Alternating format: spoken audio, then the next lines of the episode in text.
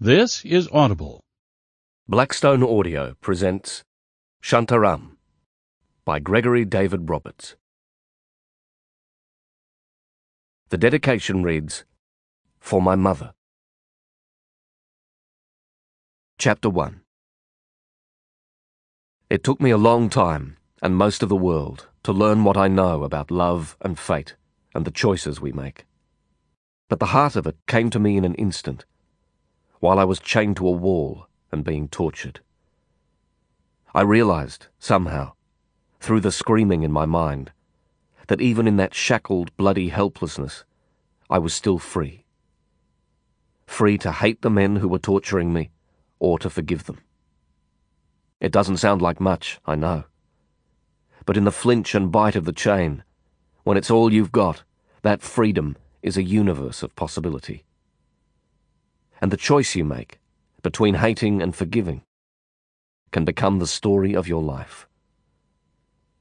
In my case, it's a long story and a crowded one. I was a revolutionary who lost his ideals in heroin, a philosopher who lost his integrity in crime, and a poet who lost his soul in a maximum security prison. When I escaped from that prison, over the front wall, between two gun towers. I became my country's most wanted man. Luck ran with me and flew with me across the world to India, where I joined the Bombay Mafia. I worked as a gun runner, a smuggler, and a counterfeiter. I was chained on three continents, beaten, stabbed, and starved. I went to war, I ran into the enemy guns, and I survived while other men around me died. They were better men than I am, most of them. Better men whose lives were crunched up in mistakes and thrown away by the wrong second of someone else's hate or love or indifference. And I buried them, too many of those men, and grieved their stories and their lives into my own. But my story doesn't begin with them, or with the Mafia. It goes back to that first day in Bombay. Fate put me in the game there. Luck dealt the cards that led me to Karla Saaranen. And I started to play it out, that hand, from the first moment I looked into her green eyes. So it begins, this story, like everything else, with a woman and a city and a little bit of luck. The first thing I noticed about Bombay on that first day was the smell of the different air. I could smell it before I saw or heard anything of India, even as I walked along the umbilical corridor that connected the plane to the airport. I was excited and delighted by it, in that first Bombay minute, escaped from prison and new to the wide world. But I didn't and couldn't recognize it. I know now that it's the sweet, sweating smell of hope which is the opposite of hate. And it's the sour, stifled smell of greed, which is the opposite of love. It's the smell of gods, demons, empires, and civilizations in resurrection and decay. It's the blue skin smell of the sea, no matter where you are in the island city, and the blood metal smell of machines. It smells of the stir and sleep and waste of 60 million animals, more than half of them humans and rats. It smells of heartbreak and the struggle to live, and of the crucial failures and loves that produce our courage. It smells of 10,000 restaurants, 5,000 temples, shrines, churches, and mosques, and of a hundred bazaars devoted exclusively to perfumes, spices, incense, and freshly cut flowers. Karla once called it the worst good smell in the world. And she was right, of course, in that way she had of being right about things. But whenever I return to Bombay now, it's my first sense of the city, that smell above all things, that welcomes me and tells me I've come home. The next thing I noticed was the heat. I stood in airport queues, not five minutes from the conditioned air of the plane, and my clothes clung to sudden sweat. My heart thumped under the command of the new climate. Each breath was an angry little victory. I came to know that it never stops, the jungle sweat, because the heat that makes it, night and day, is a wet heat. The choking humidity makes amphibians of us all in Bombay. Breathing water in air, you learn to live with it, and you learn to like it, or you leave. Then there were the people Assamese, Jats, and Punjabis, people from Rajasthan, Bengal, and Tamil Nadu, from Pushkar, Cochin, and Konarak, warrior caste, Brahmin, and untouchable, Hindu, Muslim, Christian, Buddhist, Parsi, Jain, animist, fair skin and dark, green eyes and golden brown and black, every different face and form of that extravagant variety, that incomparable beauty, India. All the Bombay millions, and then one more. The two best friends of the smuggler are the mule and the camel. Mules carry contraband across a border control for a smuggler. Camels are unsuspecting tourists who help the smuggler to get across the border. To camouflage themselves, when using false passports and identification papers, smugglers insinuate themselves into the company of fellow travellers. Camels who'll carry them safely and unobtrusively through airport or border controls without realizing it. I didn't know all that then. I learned the smuggling arts much later, years later. On that first trip to India, I was just working on instinct. And the only commodity I was smuggling was myself, my fragile and hunted freedom. I was using a false New Zealand passport with my photograph substituted in it for the original. I'd done the work myself, and it wasn't a perfect job. I was sure it would pass a routine examination, but I knew that if suspicions were aroused and someone checked with the New Zealand High Commission, it would be exposed as a forgery fairly quickly. On the journey to India from Auckland, I'd roamed the plane in search of the right group of New Zealanders. I found a small party of students who were making their second trip to the subcontinent. Urging them to share their experience and traveller's tips with me, I fostered a slender acquaintance with them that brought us to the airport controls together. The various Indian officials assumed that I was travelling with that relaxed and guileless group, and gave me no more than a cursory check. I pushed through alone to the slap and sting of sunlight outside the airport intoxicated with the exhilaration of escape. Another wall scaled, another border crossed, another day and night to run and hide. I'd escaped from prison almost two years before, but the fact of the fugitive life is that you have to keep on escaping, every day and every night. And while not completely free, never completely free, there was hope and fearful excitement in the new a new passport, a new country, and new lines of excited dread on my young face under the grey eyes. I stood there on the trampled street, beneath the baked blue bowl of Bombay sky, and my heart was as clean and hungry for promises as a monsoon morning in the gardens of Malabar. Sir! Sir! A voice called from behind me. A hand grabbed at my arm. I stopped. I tensed every fighting muscle and bit down on the fear. Don't run. Don't panic. I turned. A small man stood before me, dressed in a grimy brown uniform and carrying my guitar. More than small, he was a tiny man, a dwarf, with a large head and the startled innocence of Down syndrome in his features. He thrust the guitar at me. Your music, sir! You are losing your music, isn't it? It was my guitar. I realized at once that I must have forgotten it near the baggage carousel. I couldn't guess how the little man had known that it belonged to me. When I smiled my relief and surprise, the man grinned back at me with that perfect sincerity we fear and call simple minded. He passed the guitar to me, and I noticed that his hands were webbed like the feet of a wading bird.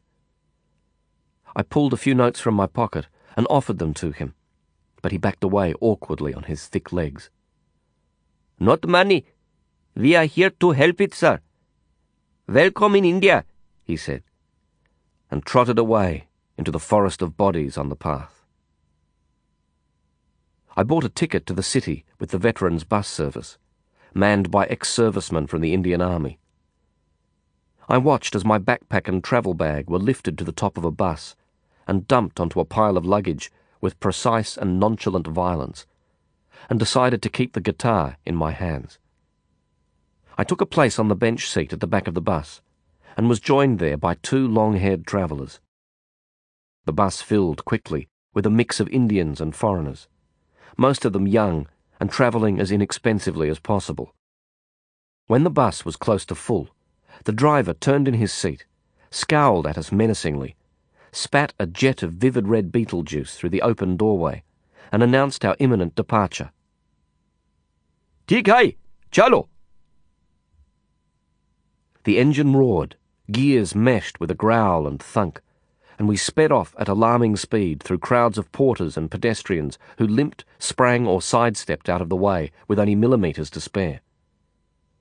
Our conductor, riding on the bottom step of the bus, cursed them with artful animosity.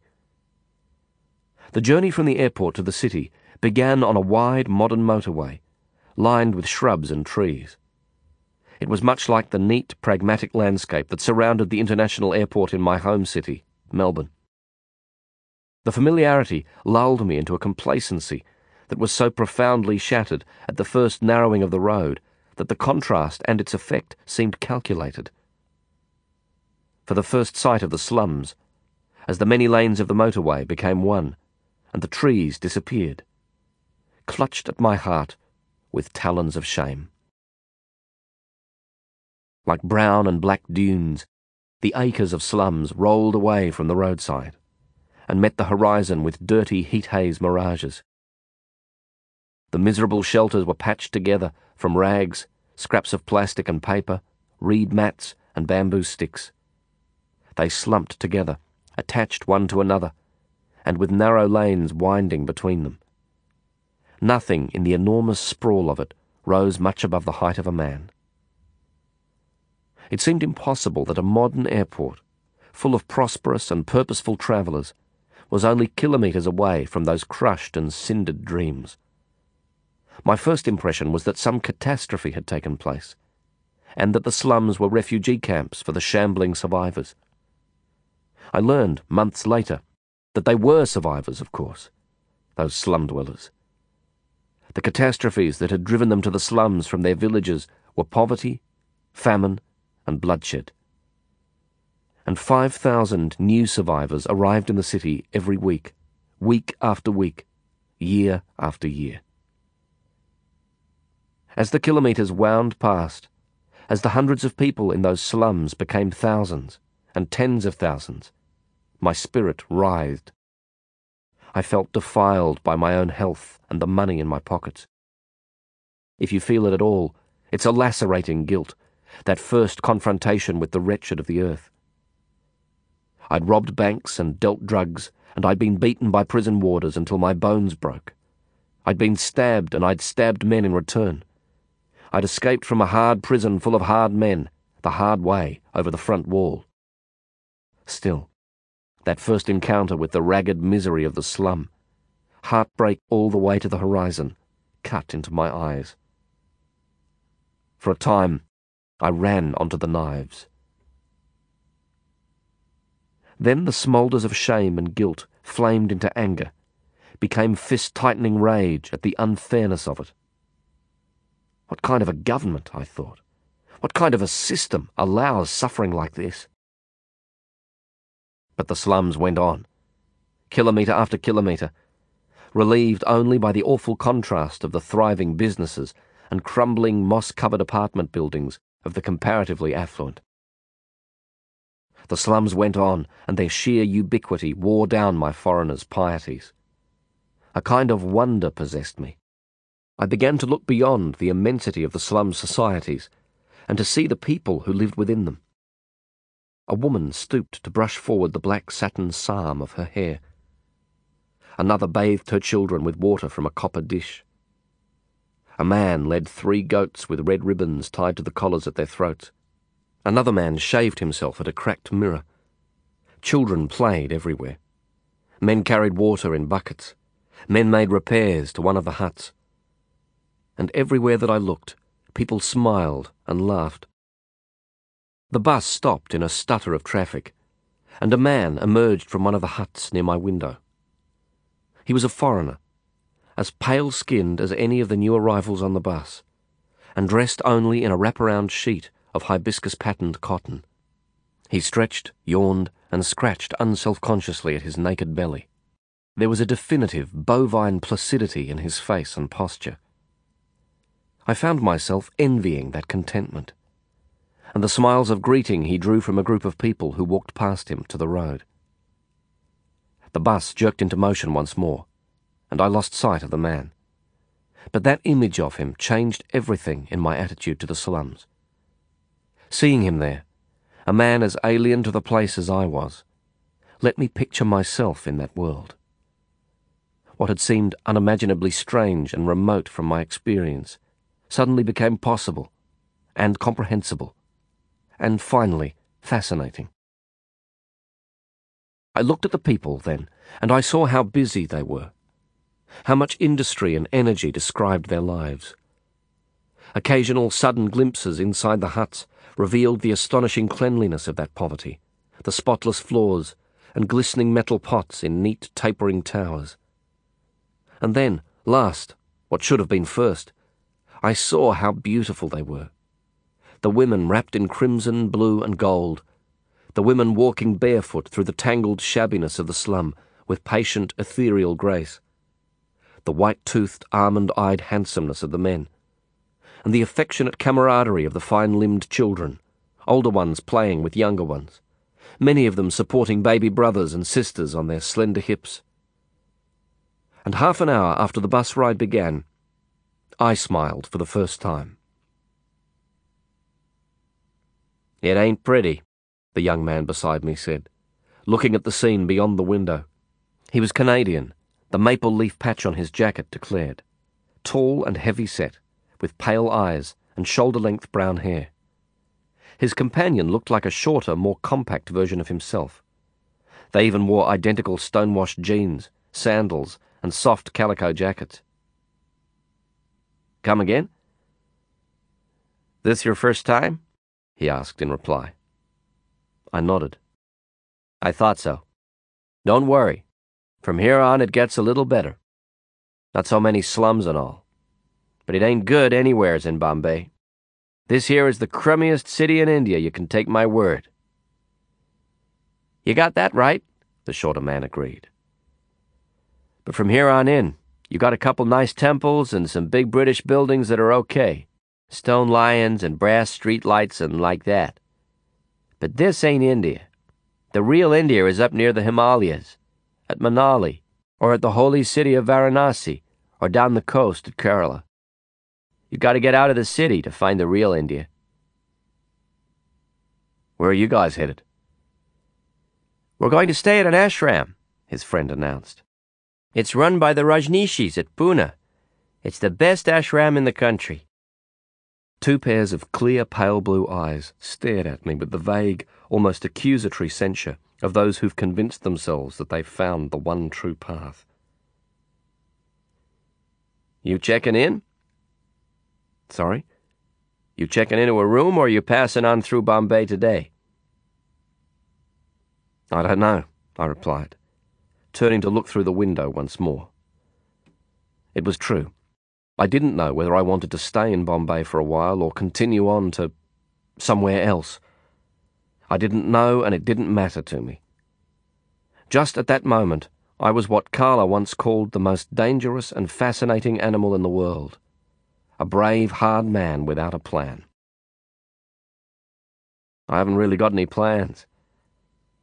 But I think I'll stay in Bombay for a while.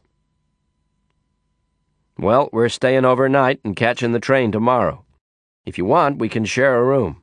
It's a lot cheaper with three.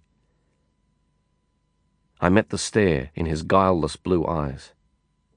Maybe it would be better to share a room at first, I thought. Their genuine documents and their easy smiles would smother my false passport.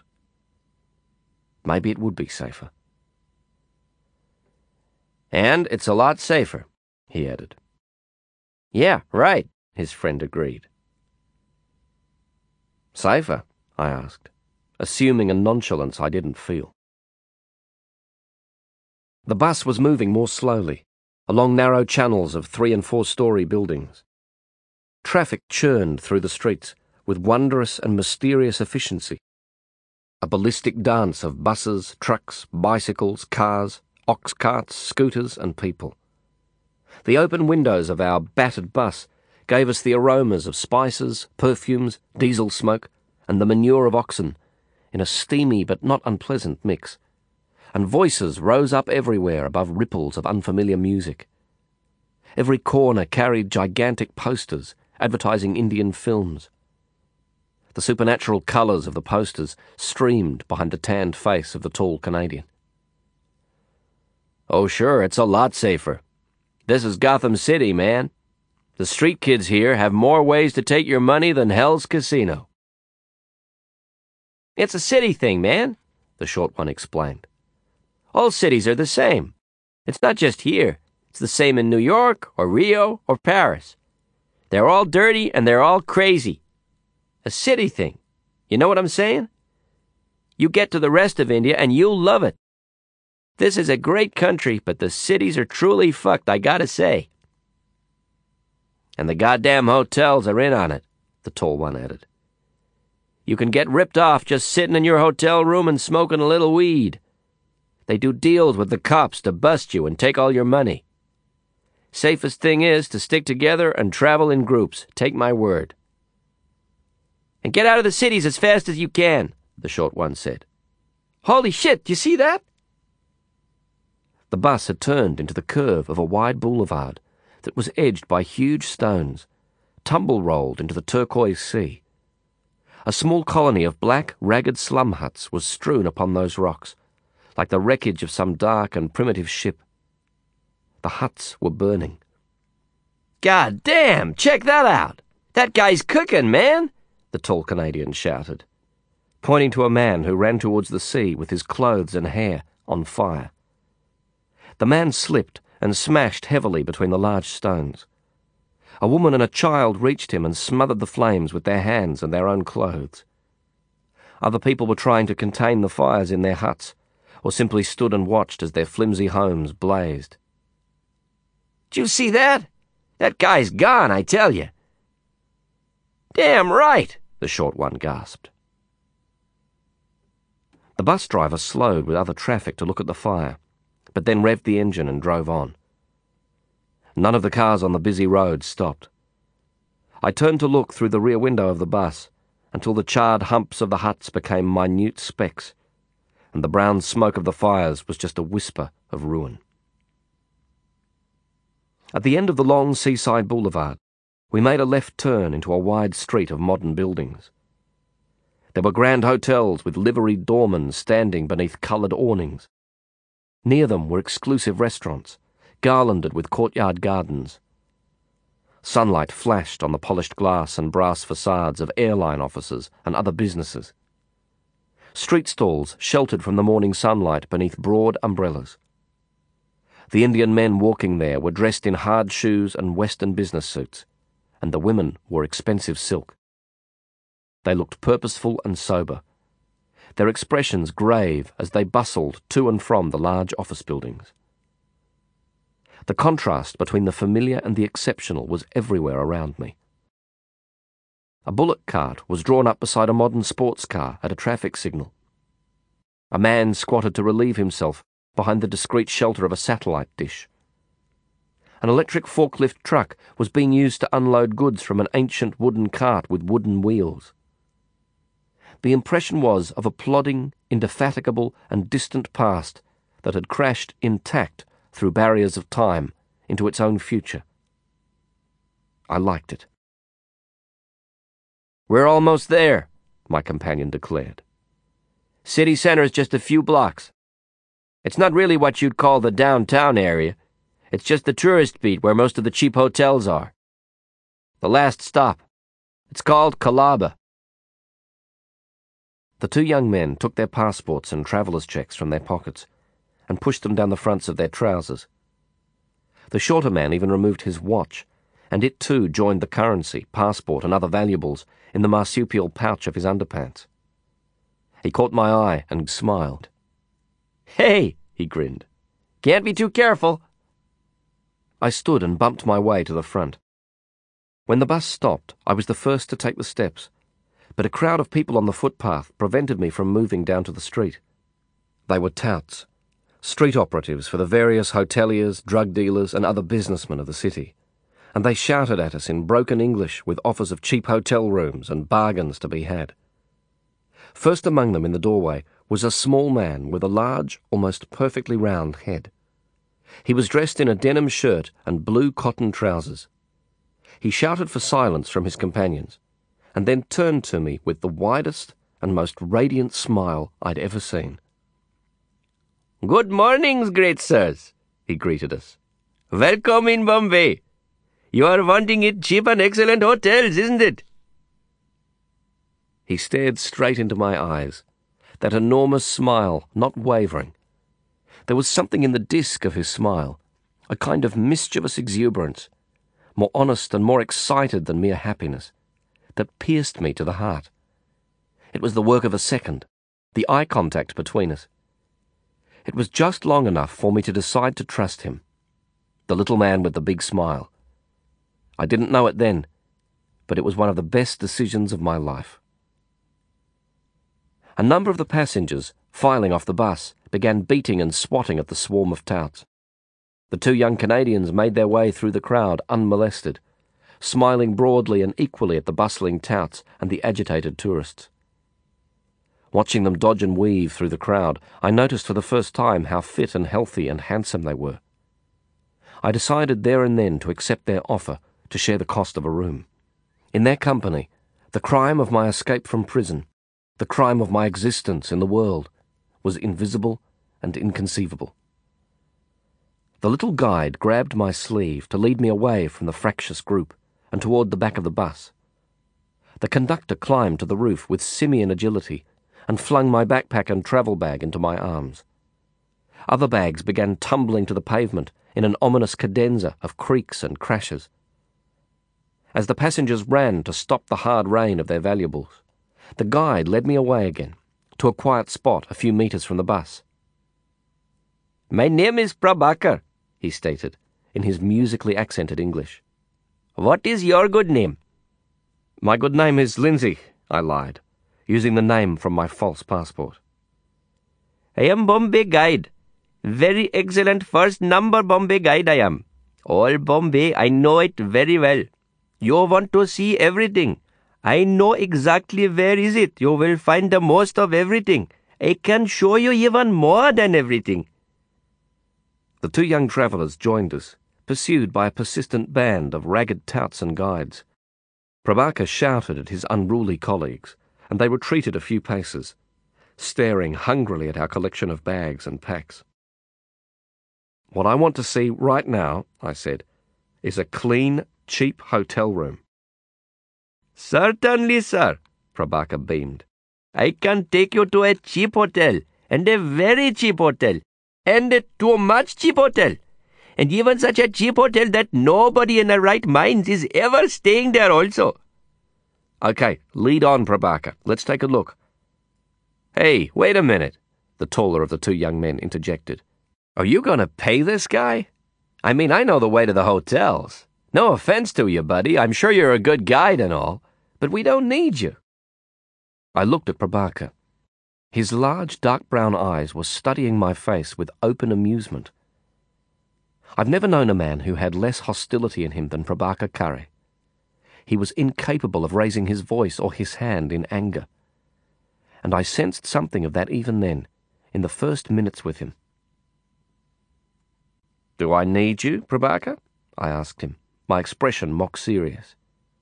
Oh, yes, he cried in reply. You are so very needing me, I am almost crying with your situation.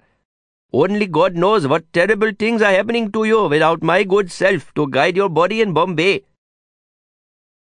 I'll pay him, I told my companions. They shrugged and lifted their packs. Okay, let's go, Prabaker. I began to lift my pack, but Prabaker grabbed at it swiftly. I am carrying it your luggages, he insisted politely. No, that's okay. I'm fine. The huge smile faded to a pleading frown. Please, sir, it is my job. It is my duty. I am strong in my backs. No problem, you will see. All my instincts revolted at the idea. No, really. Please, Mr. Lindsay. This is my honor. See the people. Prabaker gestured with his upturned palm to those touts and guides who'd managed to secure customers from among the tourists. Each one of them seized a bag, suitcase, or backpack and trudged off, leading his party into the flak traffic with brisk determination. Yeah, well, all right, I muttered, deferring to his judgment. It was just the first of countless capitulations that would in time come to define our relationship. The smile stretched his round face once more, and he grappled with the backpack, working the straps onto his shoulders with my help. The pack was heavy, forcing him to thrust his neck out, lean over, and launch himself forward into a trundling gait. My longer steps brought me up level with him, and I looked into his straining face. I felt like the white Bwana, reducing him to my beast of burden, and I hated it. But he laughed, that small Indian man. He chattered about Bombay and the sights to be seen, pointing out landmarks as we walked. He spoke with deferential amiability to the two Canadians. He smiled and called out greetings to acquaintances as he passed them. And he was strong, much stronger than he looked. He never paused or faltered in his step throughout the 15 minute journey to the hotel. Four steep flights in a dark and mossy well of stairs at the rear of a large seafront building brought us to the foyer of the India Guest House. Every floor on the way up had carried a different shield. Apsara Hotel, Star of Asia Guest House, Seashore Hotel, indicating that the one building was actually four separate hotels, each one of them occupying a single floor and having its own staff, services, and style. The two young travellers, Prabaker and I, tumbled into the small foyer with our bags and packs. A tall, muscular Indian wearing a dazzlingly white shirt and a black tie, sat behind a steel desk beside the hallway that led to the guest rooms. Welcome, he said, a small, wary smile dimpling his cheeks. Welcome, young gentlemen. What a dump, my tall companion muttered, looking around him at the flaking paint and laminated wooden partitions. This is Mr. Anand, Prabaker interjected quickly. Best manager of the best hotel in Colaba. Shut up, Prabaker, Mr. Anand growled. Prabaker smiled the wider. See what a great manager is this Mr. Anand, he whispered, grinning at me. He then turned his smile to the great manager. I am bringing three excellent tourists for you, Mr. Anand. Very best customers for the very best hotel, isn't it? I told you to shut up, Anand snapped. How much? the short Canadian asked. Please, Anand muttered, still glowering at Prabaker. Three people, one room, one night. How much? One hundred twenty rupees. What? The shorter one exploded. Are you kidding me? That's too much, his friend added. Come on, we're out of here. No problem, Anand snapped. You can go to somewhere else. They began to gather their bags, but Prabaker stopped them with an anguished cry. No, no! This is the very most beautiful of hotels. Please, just see it the room. Please, Mr. Lindsay, just see it the lovely room. Just see it the lovely room. There was a momentary pause. The two young men hesitated in the doorway. Anand studied his hotel register, suddenly fascinated by the handwritten entries. Prabaker clutched at my sleeve. I felt some sympathy for the street guide, and I admired Anand's style. He wasn't going to plead with us or persuade us to take the room. If we wanted it, we took it on his terms. When he looked up from the register, he met my eyes with a frank and honest stare, one confident man to another. I began to like him. I'd like to see it, the lovely room, I said. Yes, Prabaker laughed. Okay, here we go, the Canadian sighed, smiling. End of the passage. Anand smiled in return, reaching behind him to take the room key from a rack of hooks. He tossed the key and its heavy brass nameplate across the desk to me. Last room on the right, my friend.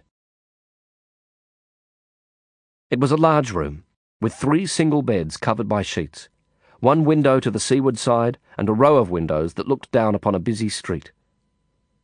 Each of the walls was painted in a different shade of headache green. The ceiling was laced with cracks. Papery scrolls of paint dangled from the corners. The cement floor sloped downwards, with mysterious lumps and irregular undulations, toward the street windows. Three small plywood side tables and a battered wooden dressing table with a cracked mirror were the only other pieces of furniture. Previous occupants had left evidence of their tenure. A candle melted into the neck of a Bailey's Irish cream bottle. A calendar print of a Neapolitan street scene taped to one wall. And two forlorn, shriveled balloons hanging from the ceiling fan. It was the kind of room that moved people to write their names and other messages on the walls, just as men do in prison cells. I'll take it, I decided. Yes, Prabaker cried, scurrying away at once toward the foyer. My companions from the bus looked at one another and laughed. I can't be bothered arguing with this dude. He's crazy. I hear you, the shorter one chuckled. He bent low and sniffed at the sheets before sitting down gingerly on one of the beds. Prabaker returned with Anand, who carried the heavy hotel register. We entered our details into the book, one at a time, while Anand checked our passports. I paid for a week in advance. Anand gave the others their passports, but lingered with mine, tapping it against his cheek thoughtfully. New Zealand, he murmured. So? I frowned, wondering if he'd seen or sensed something. I was Australia's most wanted man, escaped from a jail term of 20 years for armed robberies, and a hot new name on the Interpol fugitive list. What does he want? What does he know? Hmm.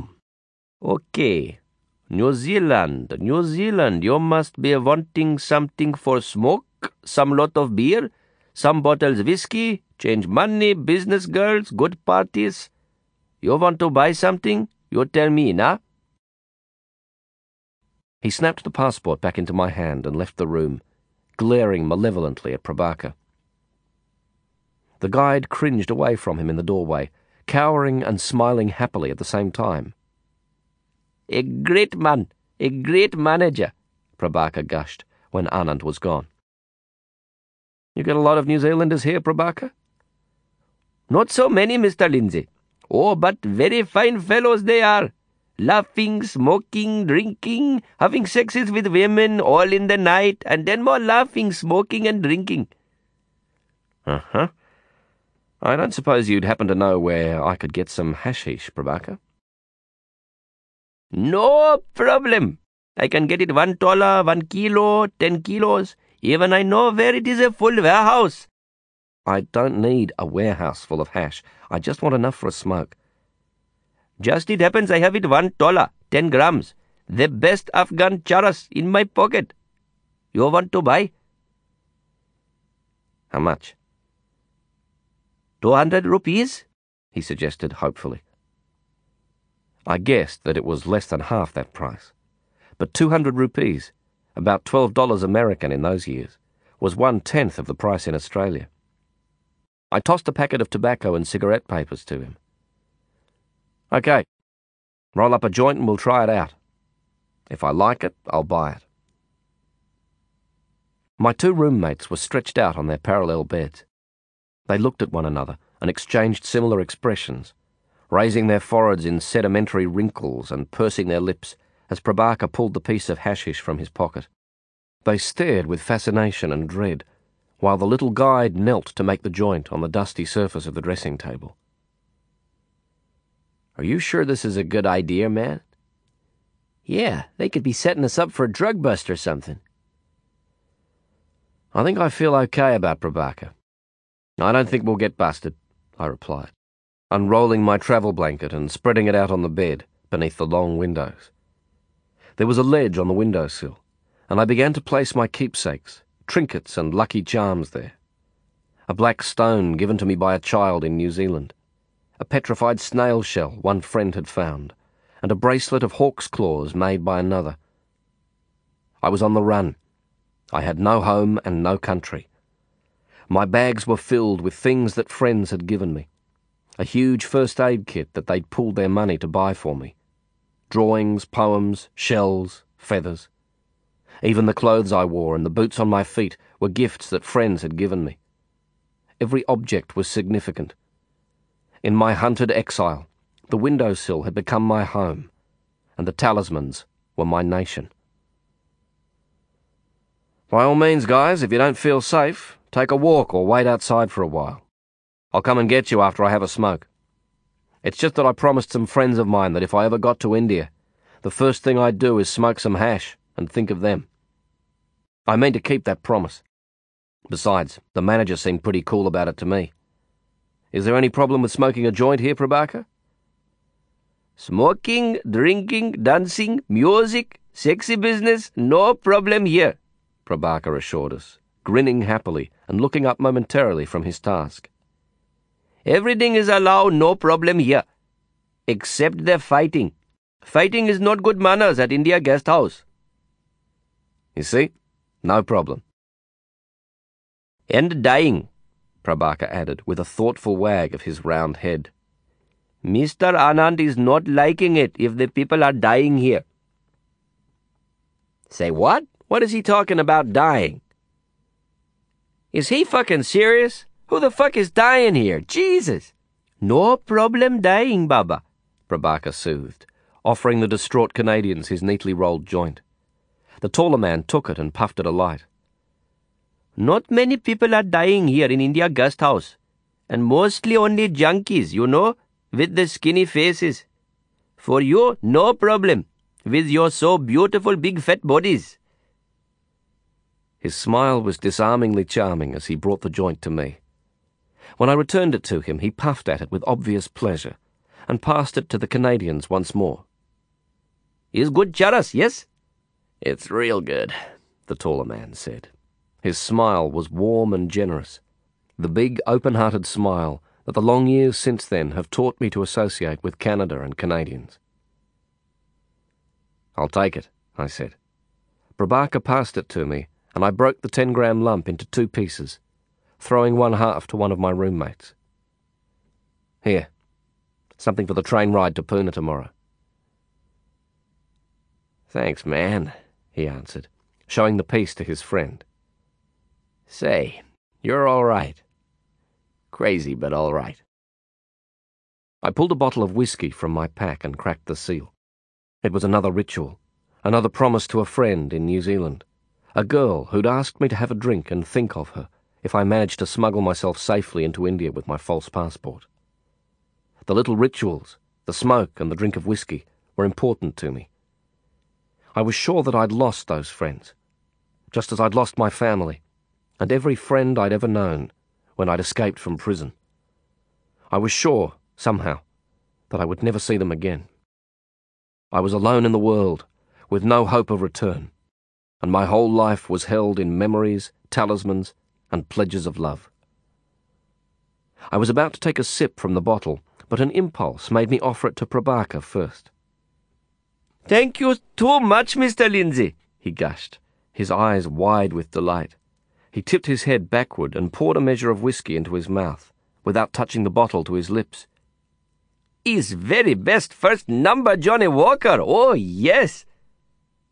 Have some more if you like. Just a teeny pieces. Thank you so. He drank again, glugging the liquor down in throat bulging gulps. He paused, licking his lips, then tipped the bottle back a third time. Sorry. Ah, very sorry. Is so good, this whiskey. It is making a bad manners on me. Listen, if you like it that much, you can keep the bottle. I've got another one. I bought them duty free on the plane. Oh, thank you, he answered, but his smile crumpled into a stricken expression. What's the matter? Don't you want it? Yes, yes, Mr. Lindsay, very yes. But if I knew this was my whiskey and not yours, I would not have been so generous with my good self in the drinking it up. The young Canadians laughed. I tell you what, Prabaker, I'll give you the full bottle to keep, and we'll all share the open one. How's that? And here's the 200 rupees for the smoke.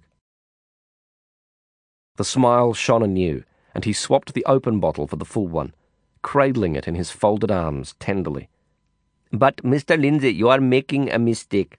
I say that this very best charas is 100 rupees, not two. Uh huh. Oh, yes. 100 rupees only, he declared, passing one of the notes back to me dismissively. Okay, listen, I'm hungry, Prabaker. I didn't eat on the plane. Do you think you could show me to a good, clean restaurant? Very certainly, Mr. Lindsay, sir. I know such excellent restaurants with such a wonder of foods, you will be making yourself sick to your stomach with happiness. You talked me into it, I said, standing and gathering up my passport and money. You guys coming? What, out there? You gotta be kidding. Yeah, maybe later, like much later. But we'll watch your stuff here and wait for you to come back. Okay, suit yourselves. I'll be back in a couple of hours. Prabaker bowed and fawned, and politely took his leave. I joined him, but just as I was about to close the door, the tall young man spoke. Listen, take it easy on the street, huh? I mean, you don't know what it's like here. You can't trust no one. This ain't the village. The Indians in the city are, well, just be careful is all, okay? At the reception desk, Anand put my passport, travel checks, and the bulk of my cash in his safe, giving me a detailed receipt. And I stepped down to the street, with the words of the young Canadian's warning wheeling and turning in my mind like gulls above a spawning tide. Prabaker had taken us to the hotel along a wide, tree lined, and relatively empty avenue that followed a curve of the bay from the tall stone arch of the Gateway of India monument. The street at the front of the building was crammed with people and vehicles, however, and the sound of voices, car horns, and commerce was like a storm of rain on wood and metal roofs. Hundreds of people walked there or stood in talking groups.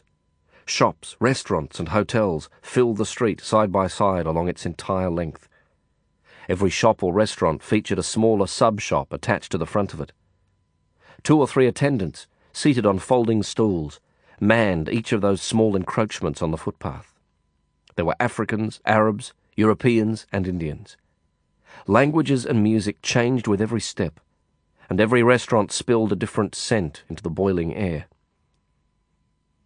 Men with bullock wagons and handcarts wound their way through heavy traffic to deliver watermelons and sacks of rice, soft drinks and racks of clothes, cigarettes and blocks of ice.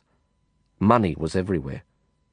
It was a centre for the black market trade in currencies, Prabaker told me, and thick blocks of banknotes were being counted and changing hands openly. There were beggars and jugglers and acrobats, snake charmers and musicians and astrologers, palmists and pimps and pushers. And the street was filthy. Trash tumbled from the windows above without warning, and garbage was heaped in piles on the pavement or the roadway, where fat, fearless rats slithered to feast. Most prominent on the street, to my eyes, were the many crippled and diseased beggars. Every kind of illness, disability, and hardship paraded there, stood at the doorways of restaurants and shops, or approached people on the street with professionally plaintive cries. Like the first sight of the slums from the windows of the bus, that glimpse of the suffering street brought a hot shame to my healthy face. But as Prabaker led me on through the roistering crowd, he drew my attention to other images of those beggars that softened the awful caricature presented by the performance of their piteousness. One group of beggars sat in a doorway, playing cards. Some blind men and their friends enjoyed a meal of fish and rice, and laughing children took turns to ride with a legless man on his little trolley. Prabaker was stealing sideways glances at my face as we walked. How are you liking our Bombay? I love it, I answered. And it was true.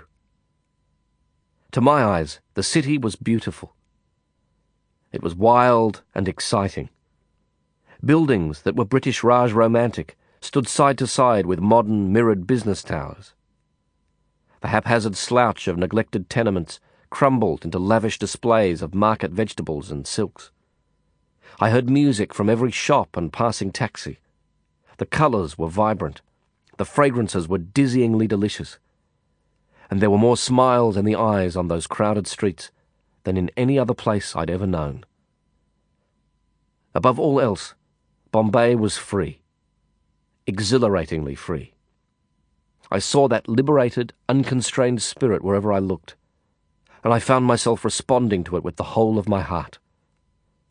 Even the flare of shame I'd felt when I first saw the slums and the street beggars dissolved in the understanding that they were free, those men and women.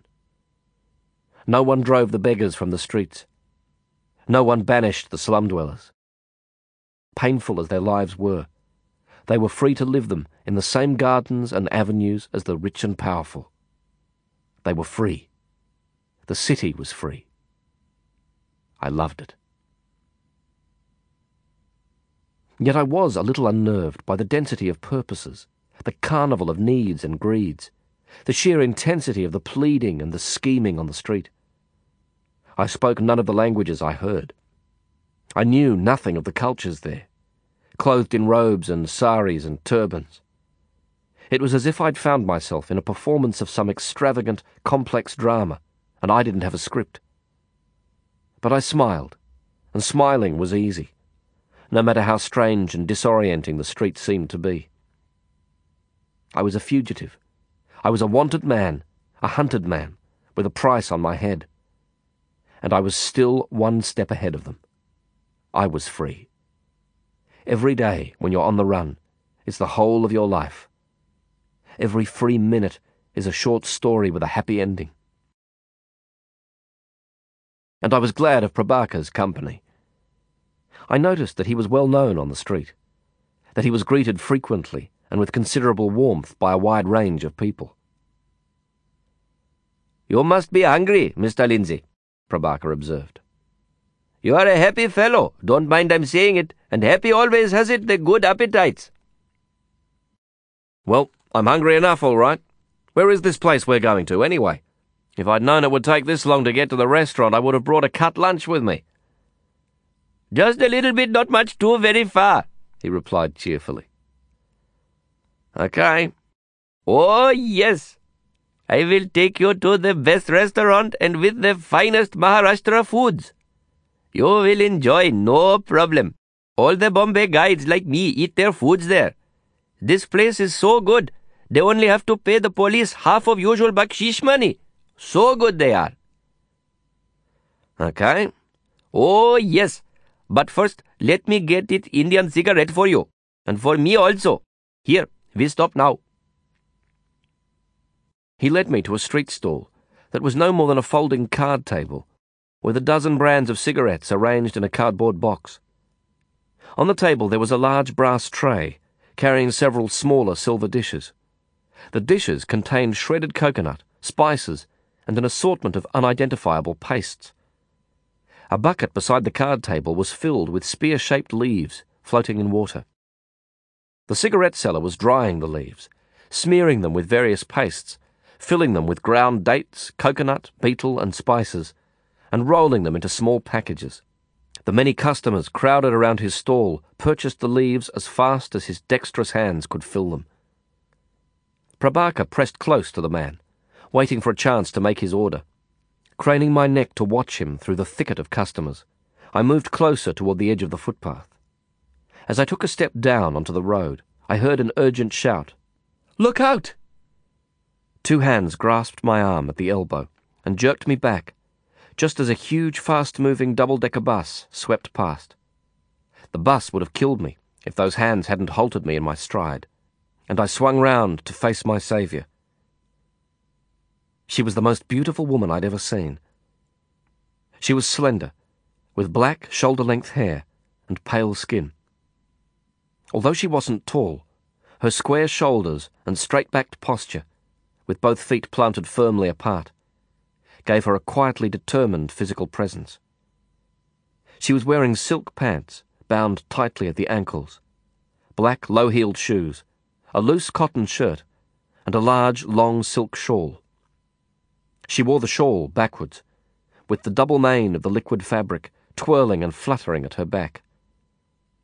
All her clothes were in different shades of green. The clue to everything a man should love and fear in her was there right from the start.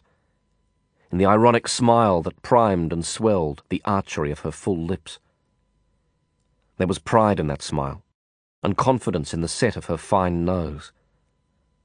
Without understanding why, I knew beyond question that a lot of people would mistake her pride for arrogance and confuse her confidence with impassivity. I didn't make that mistake. My eyes were lost, swimming, floating free in the shimmering lagoon of her steady, even stare. Her eyes were large and spectacularly green. It was the green that trees are in vivid dreams. It was the green that the sea would be if the sea were perfect. Her hand was still resting in the curve of my arm, near the elbow. The touch was exactly what the touch of a lover's hand should be familiar, yet exciting as a whispered promise. I felt an almost irresistible urge to take her hand and place it flat against my chest, near my heart. Maybe I should have done it. I know now that she would have laughed if I'd done it, and she would have liked me for it. But strangers that we were then, we stood for five long seconds and held the stare, while all the parallel worlds, all the parallel lives that might have been and never would be, whirled around us. Then she spoke. That was close. You're lucky. Yes, I smiled. I am. Her hand slowly left my arm. It was an easy, relaxed gesture but I felt the detachment from her as sharply as if I'd been roughly woken from a deep and happy dream. I leaned toward her, looking behind her to the left and then to the right. What is it? she asked. I'm looking for your wings. You are my guardian angel, aren't you? I'm afraid not, she replied, her cheeks dimpling with a wry smile. There's too much of the devil in me for that. Just how much devil, I grinned, are we talking about here? Some people were standing in a group on the far side of the stall. One of them, a handsome, athletic man in his mid twenties, stepped to the road and called to her. Karla, come on, yar! She turned and waved to him, then held out her hand to shake mine with a grip that was firm, but emotionally indeterminable. Her smile was just as ambiguous she might have liked me, or she might have just been happy to say goodbye. You still haven't answered my question, I said, as her hand slipped from mine. How much devil have I got in me? She answered me, the half smile teasing her lips. That's a very personal question. Come to think of it, that might just be the most personal question anyone ever asked me. But hey, if you come to Leopold sometime, you could find out. Her friends had moved to our side of the little stand, and she left me to join them. They were all Indians, all young, and dressed in the clean, fashionably Western clothes of the middle class. They laughed often and leaned against one another familiarly. But no one touched Karla. She seemed to project an aura that was attractive and inviolable at the same time. I moved closer, pretending to be intrigued by the cigarette seller's work with his leaves and pastes. I listened as she spoke to them, but I couldn't understand the language. Her voice, in that language and in that conversation, was surprisingly deep and sonorous. The hairs on my arms tingled in response to the sound of it. And I suppose that too should have been a warning. The voice, Afghan matchmakers say, is more than half of love. But I didn't know that then, and my heart rushed in, where even matchmakers might have feared to tread. See, Mr. Lindsay, I bought it just two cigarettes for us, Prabaker said, rejoining me and offering one of the cigarettes with a flourish. This is India, country of the poor fellows. No need for buying whole packet of cigarettes here. Just one cigarette you can buy only, and no need for buying it any matches. He leaned forward and took up a length of smouldering hemp rope that was hanging from a hook on the telegraph pole, next to the cigarette stall. Prabaker blew the ash from the end of it, exposing a little orange ember of fire, which he used to puff his cigarette alight. What is he making? What are they chewing in those leaves? It's called pan. The most very excellent taste and chewing it is. Everyone in Bombay is chewing and spitting, chewing and more spitting. No problem. Day and night also. Very good for health it is. Plenty of chewing and full spitting. You want to try it? I will get it for you, Sam. I nodded and let him make the order, not so much for the new experience of the pan as for the excuse it offered to stand there longer and look at Karla. She was so relaxed and at home, so much a part of the street and its inscrutable law. What I found bewildering, all around me, seemed to be mundane for her. I was reminded of the foreigner in the slum, the man I'd seen from the window of the bus. Like him, she seemed calm and content in Bombay. She seemed to belong. I envied her the warmth and acceptance she drew from those around her. But more than that, my eyes were drawn to her perfect loveliness. I looked at her, a stranger, and every other breath strained to force its way from my chest. A clamp like a tightening fist seized my heart. A voice in my blood said, Yes, yes, yes. The ancient Sanskrit legends speak of a destined love, a karmic connection between souls that are fated to meet and collide and enrapture one another.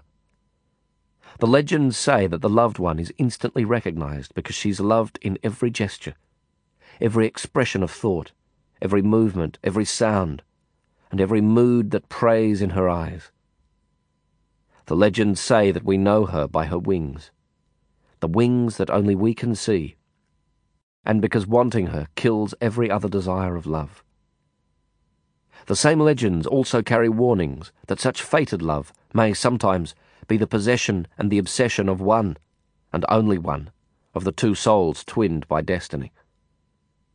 But wisdom, in one sense, is the opposite of love. Love survives in us precisely because it isn't wise. Ah, you look that girl, Prabaker observed, returning with the pan and following the direction of my gaze. You think she is beautiful, na? Her name is Karla. You know her? Oh, yes. Karla is everybody knows, he replied, in a stage whisper so loud that I feared she might hear. You want to meet her? Meet her? If you want it, I will speak to her. You want her to be your friend. What? Oh, yes. Karla is my friend, and she will be your friend also, I think so. Maybe you will make a lot of money for your very good self in business with Karla. Maybe you will become such good and closely friends that you will have it a lot of sexes together and make a full enjoyment of your bodies. I am sure you will have a friendly pleasure. He was actually rubbing his hands together.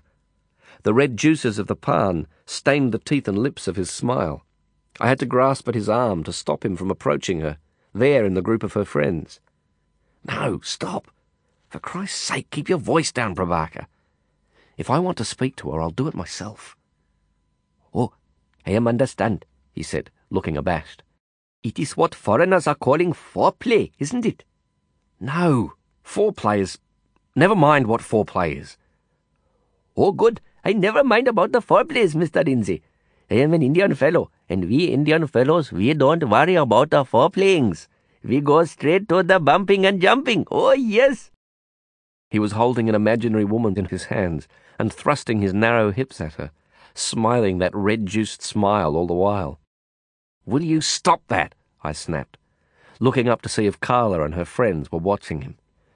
Okay, Mr. Lindsay, he sighed slowing his rhythmic thrusts until they stopped altogether.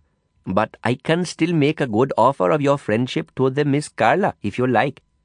No, I mean, no, thank you. I don't want to proposition her. I.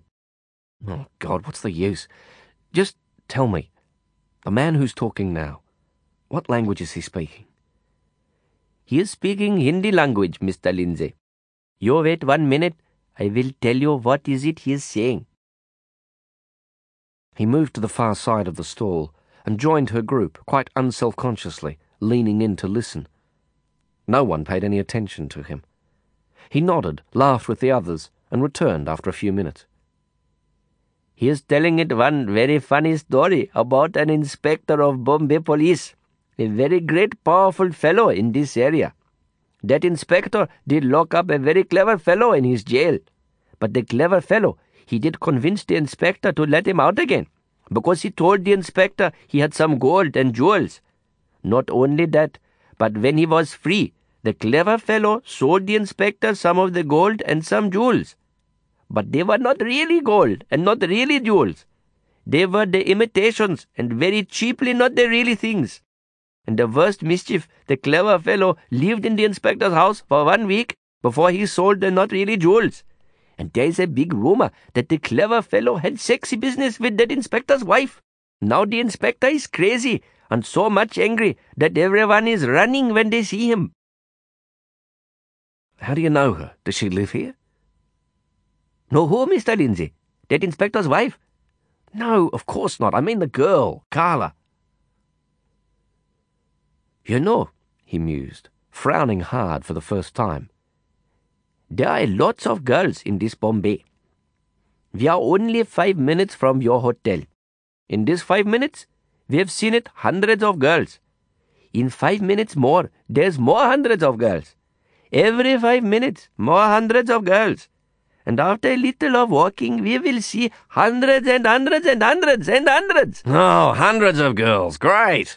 I interrupted sarcastically, my voice much louder than I'd intended it to be. I glanced around. Several people were staring at me with undisguised contempt. I continued in a hushed tone. I don't want to know about hundreds of girls, Prabaker. I'm just curious about. about that girl, okay? Okay, Mr. Lindsay. I will be telling you everything.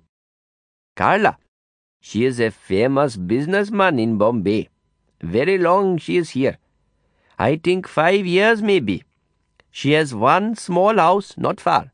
Everybody knows the Karla. Where is she from? I think German or something like that. But she sounded American. Yes, is sounding but she is from German, or like to the German, and now anyway is almost very Indian. You want to eat your foods now? Yeah, just a minute. The group of young friends called out their goodbyes to others near the pan stand and walked off into the mill and swirl of the crowd. Karla joined them, walking away with her head held high in that curiously straight-backed, almost defiant posture. I watched her until she was swallowed by the people tide of the crowds but she never looked back. Do you know a place called Leopold? I asked Prabaker as he joined me, and we started to walk once more. Oh, yes. Wonderful and lovely place it is, Leopold's Beer Bar. Full of the most wonderful, lovely peoples. The very, very fine and lovely people. All kind of foreigners you can find there. All making good business sexy business and drugs business and money business and black market business and naughty pictures and smuggler business and passport business and okay, Prabaker, I get it. You want to go there? No, maybe later. I stopped walking, and Prabaker stopped beside me. Listen, what do your friends call you? I mean, what's your name for short, instead of Prabaker? Oh, yes, short name I am having also. My short name is Prabhu. Prabhu. I like it. It's meaning the son of light, or like to that. Is good name, yes? Is good name, yes. And your good name, Mr. Lindsay, it is really not so good if you don't mind I'm telling your face. I don't like it, this long and kind of a squeaky name for Indian people speaking. Oh, you don't? Sorry to say it, no, I don't. Not at all, not a bit. Not even a tinsy or a weensy. Well, I smiled, I'm afraid there's not a lot I can do about it.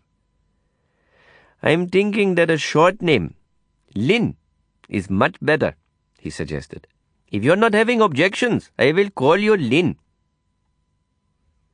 It was as good a name as any, and no more or less false than the dozen others I'd assumed since the escape. In fact, in recent months I'd found myself reacting with a quirky fatalism to the new names I was forced to adopt, in one place or another, and to the new names that others gave me. Lin.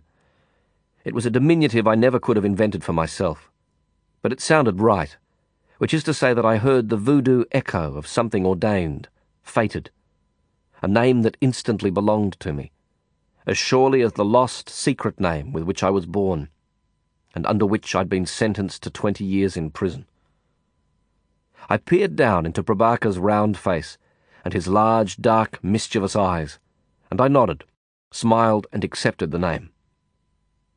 I couldn't know, then, that the little Bombay street guide had given me a name thousands of people, from Colaba to Kandahar, from Kinshasa to Berlin, would come to know me by. Fate needs accomplices and the stones in destiny's walls are mortared with small and heedless complicities such as those. I look back now, and I know that the naming moment, which seemed so insignificant then, which seemed to demand no more than an arbitrary and superstitious yes or no, was in fact a pivotal moment in my life. The role I played under that name, and the character I became, Lin Baba, was more real and true to my nature than anyone or anything that I ever was before it. Yes, okay. Lin will do. Very good. I am too happy that you like it, this name. And like my name is meaning son of light in Hindi language, your name, Lin, has it also a very fine and so lucky meaning. Yeah? What does Lin mean in Hindi? It's meaning penis, he explained with a delight that he expected me to share. Oh, great. That's just great. Yes, very great, very lucky. It is not exactly meaning this, but it is sounding like ling or lingam, and that is meaning penis. Come off it, man, I protested, beginning to walk once more. How can I go around calling myself Mr. Penis? Are you kidding me? I can see it now. Oh, hello. Pleased to meet you. My name is Penis. No way. Forget it. I think we'll stick to Lindsay. No, no, Lin. Really, I'm telling you, this is a fine name. A very power name. Very lucky. A too lucky name. The people will love this name when they hear it. Come, I will show you. I want to leave it this bottle of whiskey you gave to me. Leave it with my friend, Mr. Sanjay. Here, just here in this shop. Just you see how he likes it, your name. A few more paces along the busy street brought us to a small shop with a hand painted sign over the open door. Radio Sikh, Electric Repair Enterprises, Electrical Sales and Repairs, Sanjay Deshpande, proprietor. Sanjay Deshpande was a heavy set man in his fifties, with a halo of grey white hair and white bushy eyebrows. He sat behind a solid wooden counter surrounded by bomb blast radios, eviscerated cassette players, and boxes of parts. Prabaker greeted him, chattering in rapid Hindi, and passed the bottle of whisky over the counter. Mr. Deshpande slapped a meaty hand on it, without looking at it, and slid it out of sight on his side of the counter. He took a sheaf of rupee notes from his shirt pocket, peeled off a number, and passed them across with his palm turned downward. Prabaker took the money and slipped it into his pocket with a movement as swift and fluid as the tentacle grab of a squid. He finished talking at last and beckoned me forward. This is my very good friend, he informed Mr. Deshpande, patting me on the arm. He is from New Zealand. Mr. Deshpande grunted. He is just today coming in Bombay. In their guest house he is staying. Mr. Deshpande grunted again. He studied me with a vaguely hostile curiosity. His name is Lin, Mr. Lin Baba, Prabaker said. What's his name? Mr. Deshpande asked. Lin, Prabaker grinned. His name is Lin Baba. Mr. Deshpande raised his impressive eyebrows in a surprised smile. Lin Baba? Oh, yes, Prabaker enthused. Lin, Lin, very fine fellow he is also. Mr. Deshpande extended his hand, and I shook it.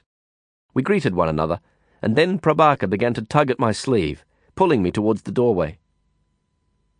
Lin Baba, Mr. Deshpande called out, as we were about to step into the street. Welcome in Bombay. You have any Walkman or camera or any ghetto blasting machine for selling? You come to me, Sanjay Deshpande, at the Radio Sikh. Am giving best prices. I nodded, and we left the shop. Prabaker dragged me a few paces further along the street, and then stopped. You see, Mr. Lin, you see how he likes it your name. I guess so, I muttered, bewildered as much by his enthusiasm as by the brief exchange with Mr. Deshpande. When I got to know him well enough, when I began to cherish his friendship, I discovered that Prabaker believed with the whole of his heart that his smile made a difference in people's hearts and in the world. He was right, of course, but it took me a long time to understand that truth and to accept it. What's the Baba part at the end of the name? Lin I can understand, but what's the Lin Baba bit all about? Baba is just a respecting name, Prabaker grinned. If we put Baba up on the back of your name, or on the name of anybody special, it is like meaning the respect we give to a teacher, or a holy person, or a very old, old, old. I get it, I get it. But it doesn't make me any more comfortable with it, Prabhu, I gotta tell you. This whole penis thing, I don't know. But you did see Mr. Sanjay Deshpande. You did see how he liked it, your name. Look, see how the people loved his name. You see now, you look, I will tell it to everybody. Lin Baba! Lin Baba! Lin Baba! He was speaking in a shout, addressing strangers as they passed us on the street. All right, Prabhu, all right. I take your word for it. Calm down. It was my turn to tug at his sleeve and move him along the street. I thought you wanted to drink the whisky. Ah, yes, he sighed. Was wanting it and was already drinking it in my mind also. But now, Lin Baba, with this money from selling your good present to Mr. Sanjay, I can buy two bottles of very bad and nicely cheap Indian whisky to enjoy, and plenty of money left for one nice new shirt, red color, one dollar of good charas, tickets for enjoying air-conditioned Hindi picture, and two days of foods. But wait, Lin Baba, you are not eating it your pan. You must put it now in the side of your mouth and chew it before it is getting stale and not good for taste. Okay, how do I do it? Like this? I put the leaf wrapped parcel, almost the size of a matchbox, into the side of my mouth between the cheek and the teeth, as I'd seen the others do. Within seconds, a suffusion of aromatic sweetnesses possessed my mouth. The taste was sharp and luscious, honeyed and subtly piquant at the same time. The leaf wrapping began to dissolve, and the solid, crunchy nibbles of shaved betel nut, date, and coconut swirled in the sweet juices. You must spit it out some pan now, Prabaker said, staring at my grinding jaws with earnest concentration. You make like this, see? Spit him out like this. He spat out a squirt of red juice that landed on the road a metre away and formed a palm-sized blotch. It was a precise, expert procedure. Not a speck of the juice remained on his lips. With his enthusiastic encouragement, I tried to imitate him but the mouthful of crimson liquid bubbled out of my mouth, left a trail of slobber on my chin and the front of my shirt, and landed with an audible splat on my right boot. No problem, this shirt, Prabaker frowned, pulling a handkerchief from his pocket and smearing the blood-red fluid deeper into my shirt front with vigorously ineffective rubbing. No problem, your boots also. I will wipe him just like this, see? I must ask it now, do you like the swimming? Swimming? I asked swallowing the little pan mixture that was still in my mouth. Oh, yes, swimming. I will take you to Chowpatty Beach. So nice beach it is, and there you can practice chewing and spitting and chewing and more spitting the pan. but without so many of all your clothes only for a good saving on your laundry. Listen, about that going around the city, you work as a guide, right? Oh, yes, very best Bombay guide, and guiding all India also. How much do you charge per day? He glanced at me, his cheeks appled in the impish grin I was learning to recognize as the clever underside of his broad and gentle smile. I charge hundred rupees all day, he said. Okay. And tourist buy it the lunch. Sure. And taxi also, tourist pay. Of course. And Bombay bus tickets, all they pay. Yep. And chai, if we drink it on a hot afternoon for refreshing our good selves. Uh huh. And sexy girls, if we go there on a cool night, if we are feeling a bit needy, swelling and up. Yeah, yeah, okay. Listen. I'll pay you for the whole week. I want you to show me Bombay. Teach me a bit about the city. If it works out okay, there'll be a bonus for you at the end of the week. How does that sound? The smile sparked his eyes, but his voice was surprisingly somber as he replied. This is your good decision, Lin Baba. Your very good decision. Well, I laughed, we'll see. And I want you to teach me some Hindi words, okay? Oh, yes, I can teach everything. Ha means yes, and nahi means no, and pani means water, and kana means foods, and. Okay, okay, we don't have to learn it all at once. Is this the restaurant? Good, I'm starved. I was about to enter the dark and unprepossessing restaurant when he stopped me, his expression suddenly grave. He frowned and swallowed hard, as if he was unsure how to begin. Before we are eating this good foods, he said at last, before we, before we make any business also, something there is, I must tell it to you. Okay. His manner was so dejected that I felt a twinge of apprehension. Well, now I am telling. That Tola Charas, the one I was selling to you in hotel. Yes. Well, that was the business price. The really price, the friendship price, is only 50 rupees for one tola Afghani charas. He lifted his arms and then let them slap down at his thighs. I charged it 50 rupees too much. I see, I answered quietly. The matter was so trivial from my point of view that I was tempted to laugh out loud. It was obviously important to him, however, and I suspected that he wasn't often moved to make such admissions. In fact, as he told me much later, Prabaker had just then decided to like me, and for him that meant he was bound to a scrupulous and literal honesty in everything he said or did. It was at once his most endearing and most irritating quality that he always told me the whole of the truth. So, what do you want to do about it? My suggestion, he said seriously. We smoke it that business price charas very fast until finish that one. Then I will buy new one for us. After from now, it will be everything friendship prices for you and for me also. This is a no problem policy, isn't it? I laughed, and he laughed with me. I threw my arm around his shoulder and led him into the steamy, ambrosial activity of the busy restaurant. Lin, I think I am your very good friend, Prabaker decided, grinning happily. We are the lucky fellows, isn't it? Maybe it is, I replied. Maybe it is. Hours later, I lay back in a comfortable darkness, under the sound strobe of a ceaselessly revolving ceiling fan. I was tired, but I couldn't sleep. Beneath my windows, the street that had writhed and toiled in daylight was silent, subdued by a night sultriness, moist with stars. Astounding and puzzling images from the city tumbled and turned in my mind like leaves on a wave of wind, and my blood so thrilled with hope and possibility that I couldn't suppress a smile lying there in the dark.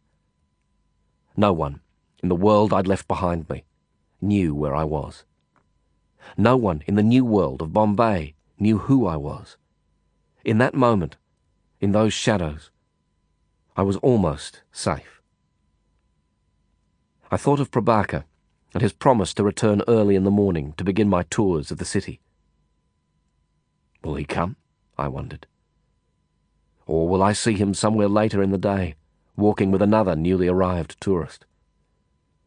I decided, with the faint, impersonal callousness of the lonely, that if he were as good as his word and turned up in the morning, I would begin to like him.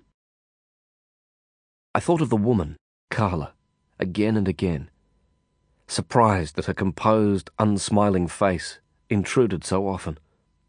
If you go to Leopold sometime, maybe you'll find out.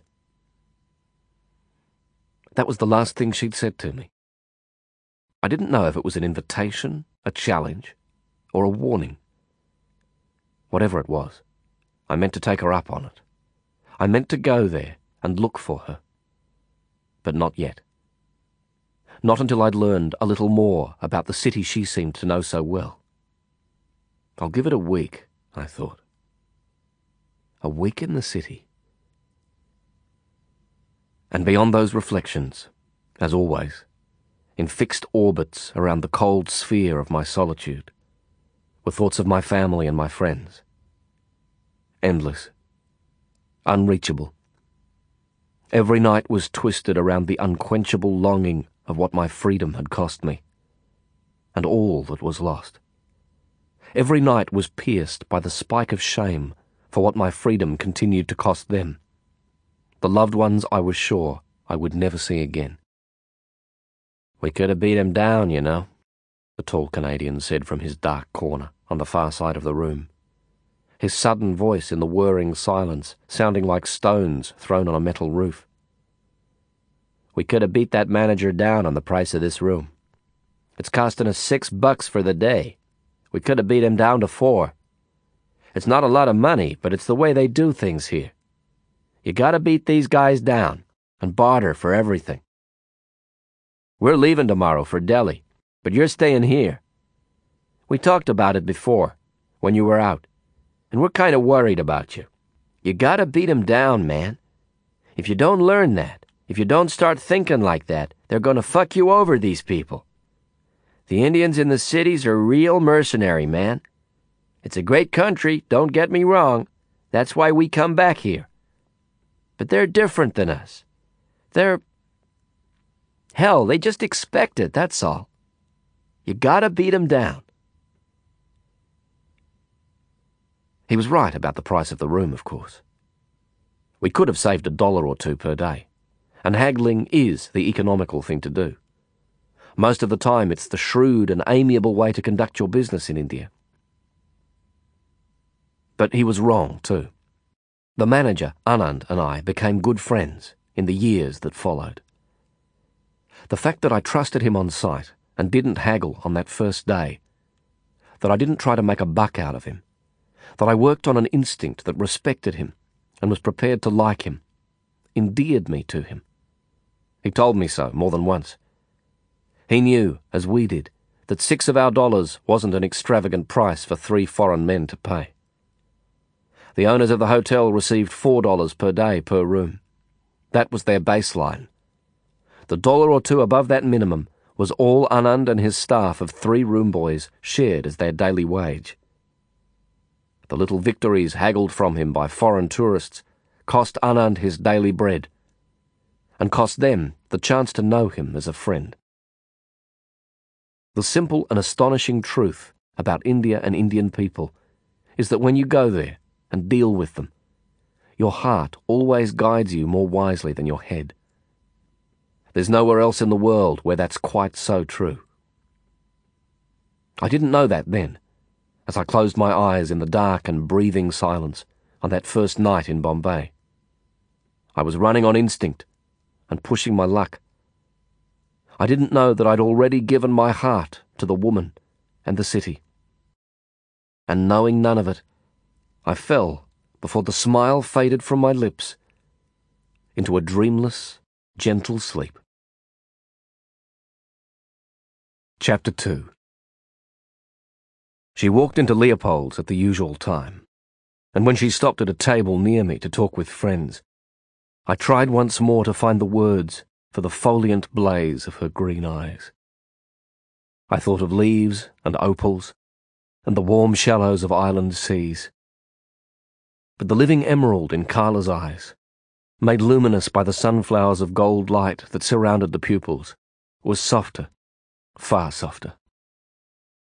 I did eventually find that colour, the green in nature that was a perfect match for the green in her lovely eyes.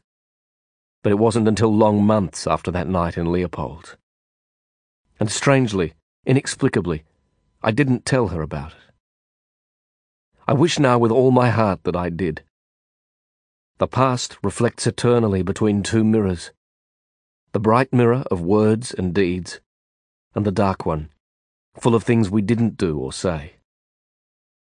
I wish now that from the beginning, even then in the first weeks that I knew her, even on that night, the words had come to tell her.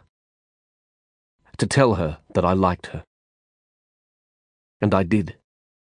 I liked everything about her. I liked the Helvetian music of her Swiss American English, and the way she pushed her hair back slowly with a thumb and forefinger when she was irritated by something.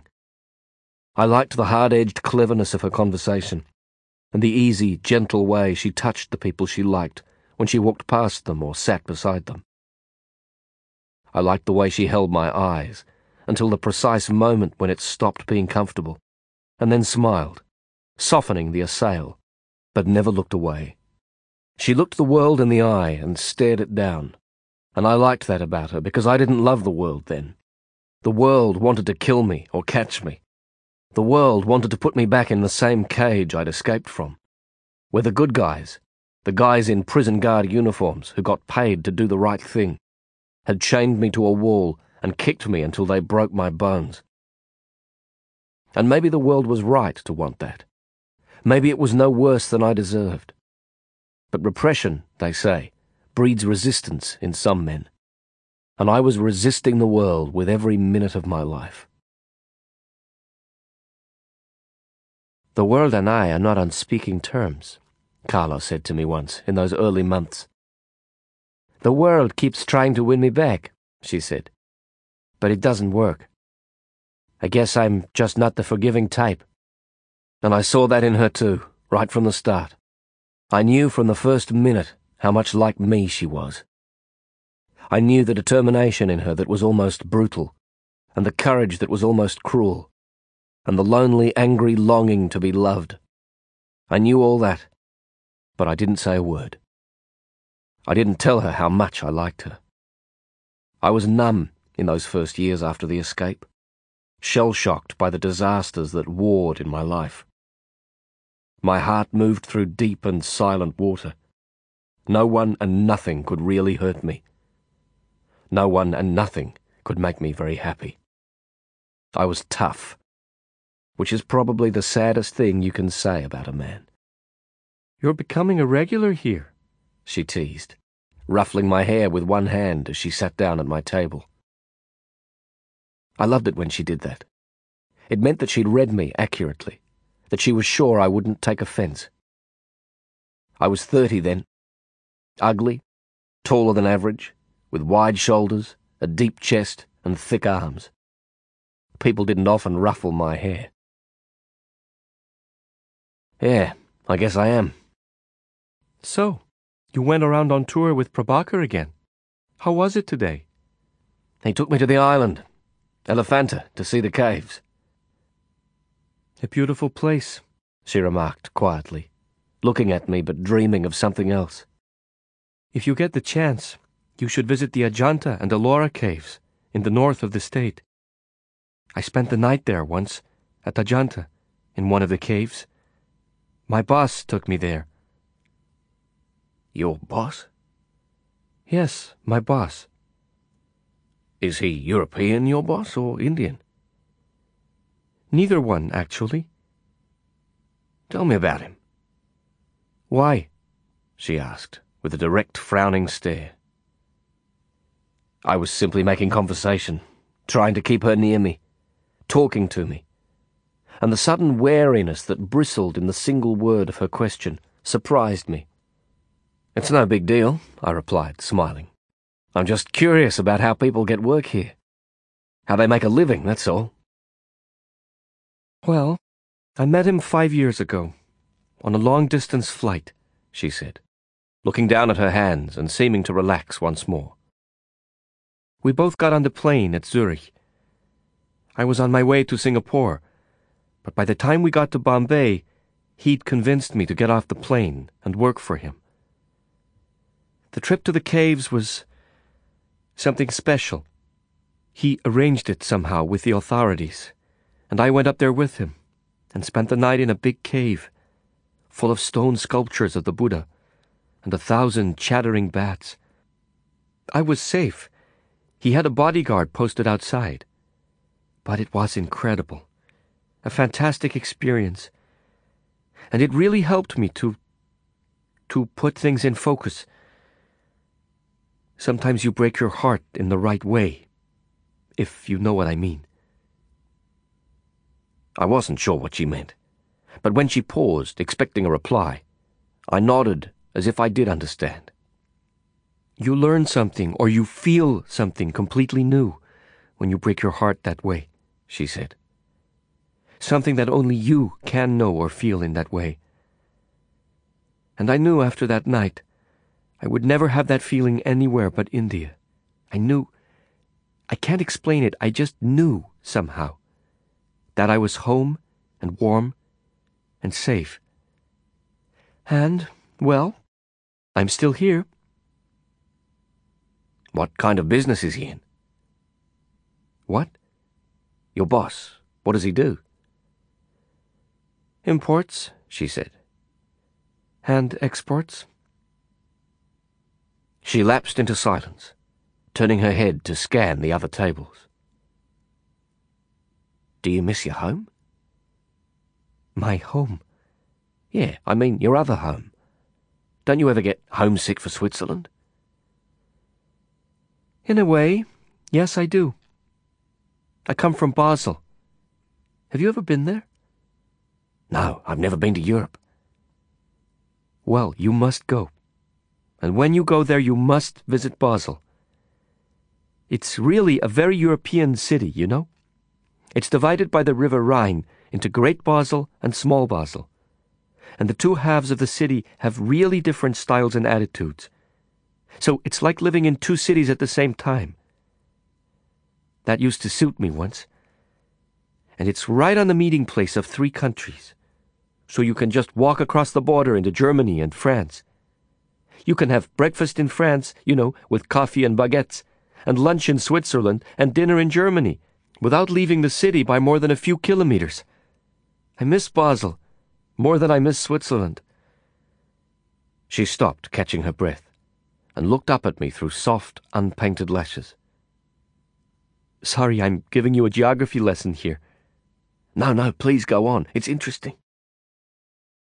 You know, she said slowly, I like you, Lin. She stared that green fire into me. I felt myself reddening slightly, not from embarrassment, but from shame, that she'd said so easily the very words, I like you, that I wouldn't let myself say to her. You do? I asked, trying to make the question sound more casual than it was. I watched her lips close in a thin smile. Yes. You're a good listener. That's dangerous because it's so hard to resist. Being listened to, really listened to, is the second best thing in the world. What's the first best thing? Everybody knows that. The best thing in the world is power. Oh, is it? I asked, laughing. What about sex? No. Apart from the biology, sex is all about power. That's why it's such a rush. I laughed again. And what about love? A lot of people say that love is the best thing in the world, not power. They're wrong, she said, with terse finality. Love is the opposite of power. That's why we fear it so much. Karla, dear one, the things you say, Didier Levy said, joining us and taking a seat beside Karla. I must make the conclusion that you have wicked intentions for our Lin. You didn't hear a word we said, she chided. I don't have to hear you. I can see by the look on his face. You've been talking your riddles to him and turning his head around. You forget, Karla, that I know you too well. Here, Lin, we'll cure you at once. He shouted to one of the red jacketed waiters, calling the man by the number four emblazoned on the breast pocket on his uniform. Hey, char number. Do batli beer. What will you have, Karla? Coffee? Oh, char number. Ek coffee or. Jaldi caro. Didier Levy was only 35 years old, but those years were stitched to him in lumpy wads of flesh and deep lines that gave him the plump and careworn look of a much older man. In defiance of the humid climate, he always wore baggy canvas trousers, a denim shirt, and a rumpled grey woolen sports coat. His thick, curly black hair never seemed to be shorter or longer than the line of his collar, just as the stubble on his tired face never seemed to be less than three days from its last shave. He spoke a lavishly accented English, using the language to provoke and criticize friend and stranger alike with an indolent malignity. There were people who resented his rudeness and rebukes, but they tolerated them because he was frequently useful and occasionally indispensable.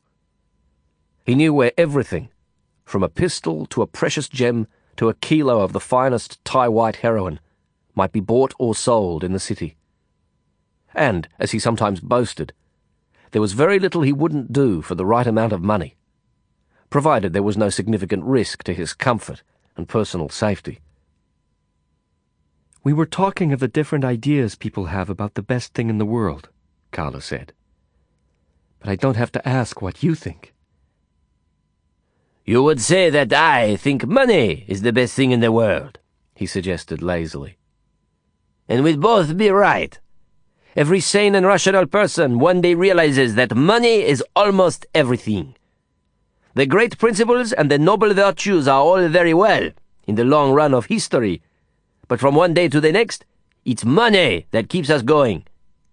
And the lack of it that drives us under the great wheel. And what about you, Lin? What did you say?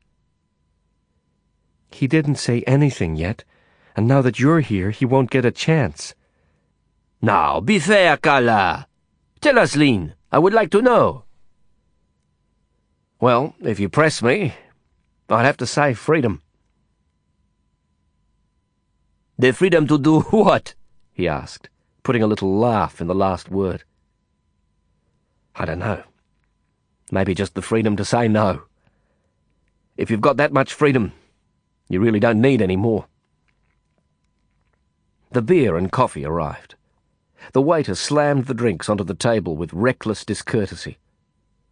The service in the shops, hotels, and restaurants of Bombay, in those days, moved from a politeness that was charming or fawning to a rudeness that was either abrupt or hostile.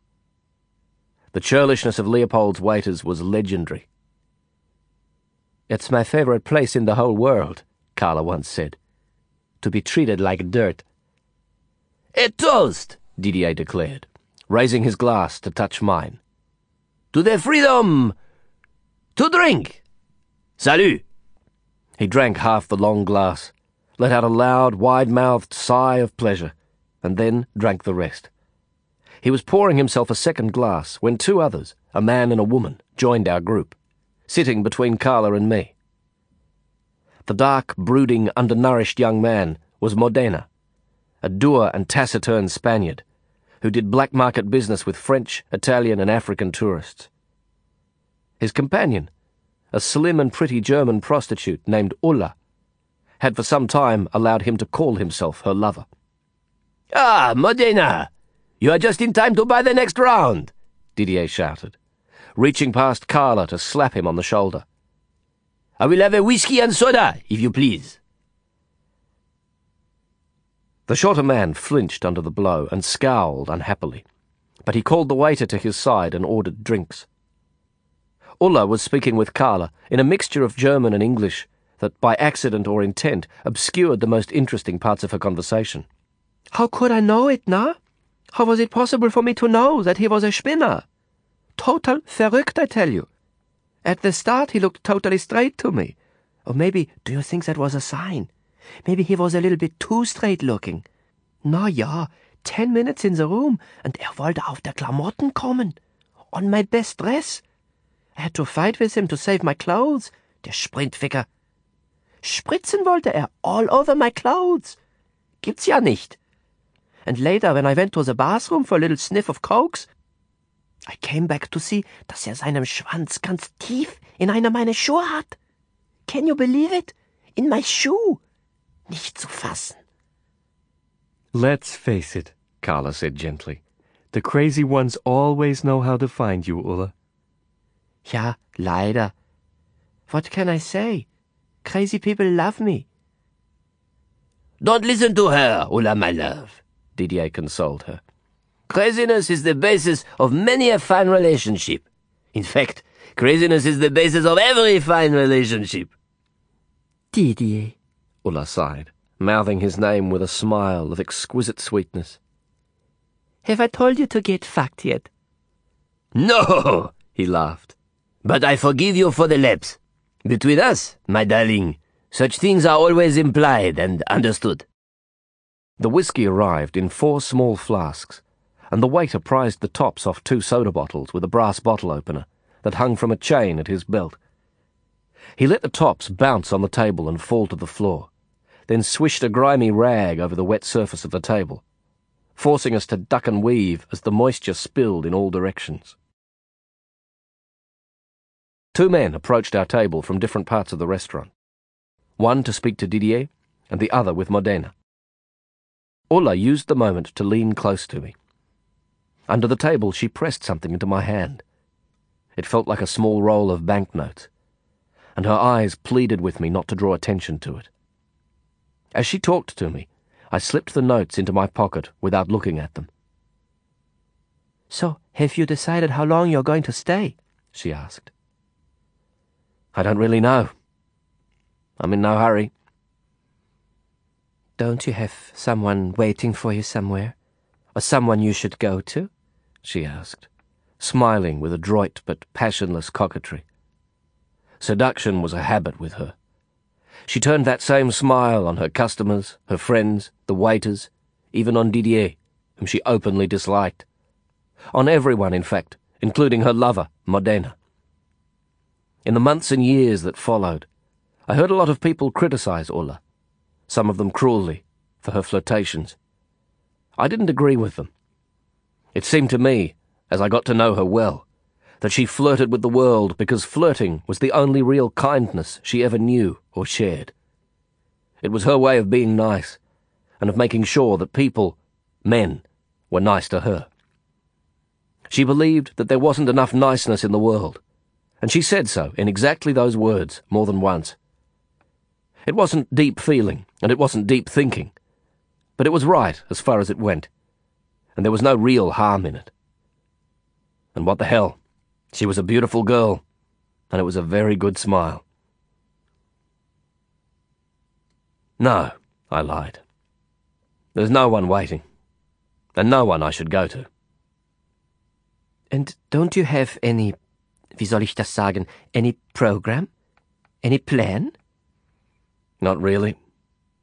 I'm working on a book. During the time since the escape, I'd learned that telling people a small part of the truth, that I was a writer, provided me with a useful and flexible cover story.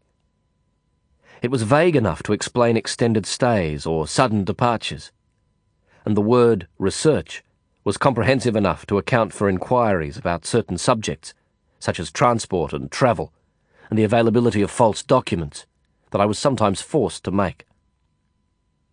Moreover, the cover story guaranteed me a measure of privacy. The simple threat to tell people at length of my work in progress usually discouraged all but the most persistently curious. And I was a writer. In Australia, I'd written since my early twenties. I'd just begun to establish myself through my first published work when my marriage collapsed. I lost the custody of my daughter, and I lost my life in drugs, crime, imprisonment, and escape. But even as a fugitive, writing was still a daily custom and part of my instinctual routine. Even there, in Leopold's, my pockets were full of notes, scribbled onto napkins, receipts, and scraps of paper. I never stopped writing. It was what I did, no matter where I was or how my circumstances changed. One of the reasons I remember those early Bombay months so well is that whenever I was alone, I wrote about those new friends and the conversations we shared. And writing was one of the things that saved me. The discipline and abstraction of putting my life into words every day helped me to cope with shame and its first cousin, despair. Well, Scheisse. I don't see what's to write about in Bombay. It's no good place, yeah? My friend Lisa says this is the place they were thinking about when they invented the word pits. And I think it is a good place for calling it pits. Better you should go somewhere else to write about, like Rajasthan, maybe. I did hear that it's not a pits there, in Rajasthan. She's right, Lin, Karla added. This is not India. There are people here from every part of India, but Bombay isn't India. Bombay is an own world, a world in itself. The real India is out there. Out there? Out there, where the light stops. I'm sure you're right, I answered, smiling in appreciation of the phrase. But I like it here so far. I like big cities, and this is the third biggest city in the world. You're beginning to sound like your tour guide, Karla joked. I think maybe Prabaker has been teaching you too well. I guess he has. He's been filling my head with facts and figures every day for two weeks. Quite amazing, really, for a guy who left school when he was seven and taught himself to read and write here on the streets. What facts and figures? Ulla asked. Well, for instance, the official population of Bombay is 11 million. But Prabhu says the guys who run the illegal numbers racket have a better idea of the real population, and they put it at anything from 13 to 15 million. And there are 200 dialects and languages spoken in the city every day. 200, for God's sake! It's like being in the centre of the world. As if in response to that talk of languages, Ulla spoke to Karla quickly and intently in German. At a sign from Modena, she stood and gathered her purse and cigarettes. The quiet Spaniard left the table without a word and walked toward the open archway that led to the street. I have a job, Ulla announced, pouting winsomely. See you tomorrow, Karla. About eleven o'clock, yeah? Maybe we'll have dinner together tomorrow night, Lin, if you're here. I would like that. Bye. Tschüss. She walked out after Modena, followed by leers and admiring stares from many of the men in the bar. Didier chose that moment to visit several acquaintances at another table. Karla and I were alone. She won't, you know. Won't what? She won't have dinner with you tomorrow night. It's just her way. I know, I grinned. You like her, don't you? Yeah, I do. Did that strike you as funny? In a way, yes. She likes you too. She paused, and I thought she was about to explain her remark. But when she spoke again, it was to change the subject.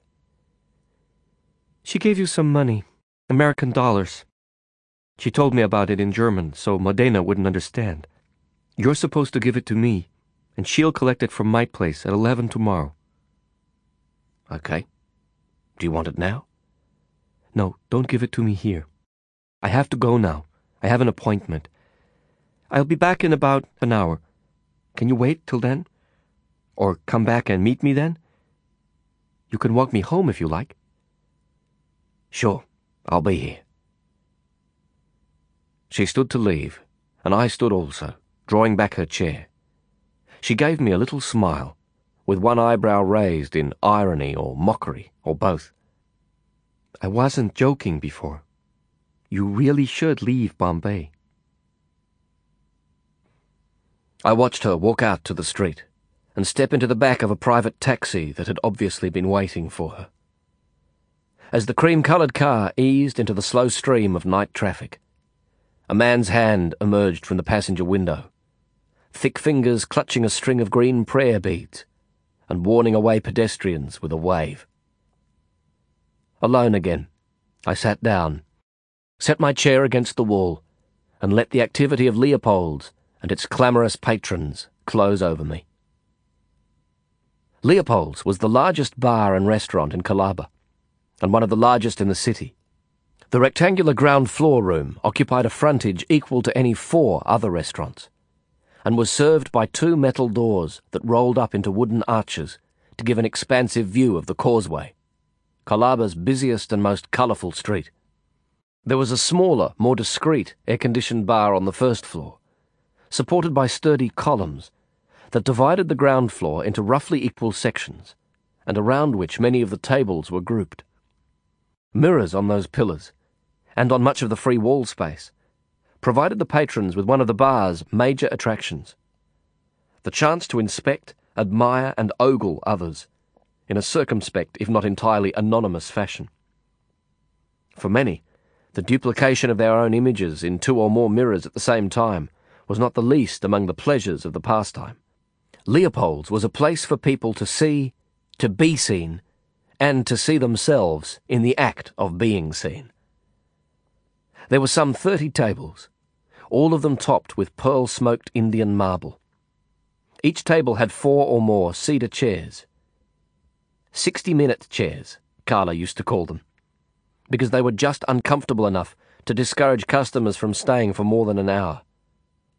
A swarm of broad fans buzzed in the high ceiling, stirring the white glass pendulum lights to a slow, majestic sway. Mahogany trim lined the painted walls, surrounded the windows and doors, and framed the many mirrors.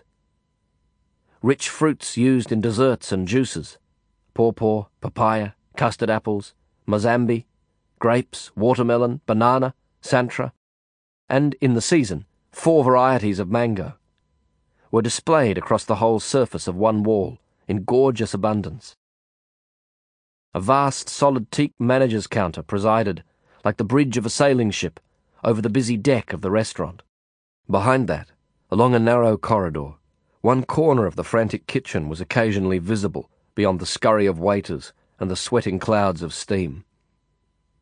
A faded but still sumptuous elegance struck and held the eyes of all who walked through those wide arches into Leopold's little world of light, colour, and richly panelled wood.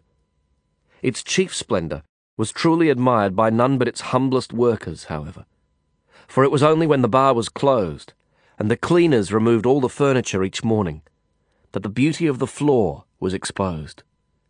Its intricate tilework replicated the pattern used in a North Indian palace, with hexagons in black, cream, and brown radiating from a central sunburst and thus a paving designed for princes, all but invisible to the tourists, with their eyes on their own reflections in the dazzling mirrors, revealed its luxurious perfections only in secret to the naked feet of the cleaners, the city's poorest and meekest working men.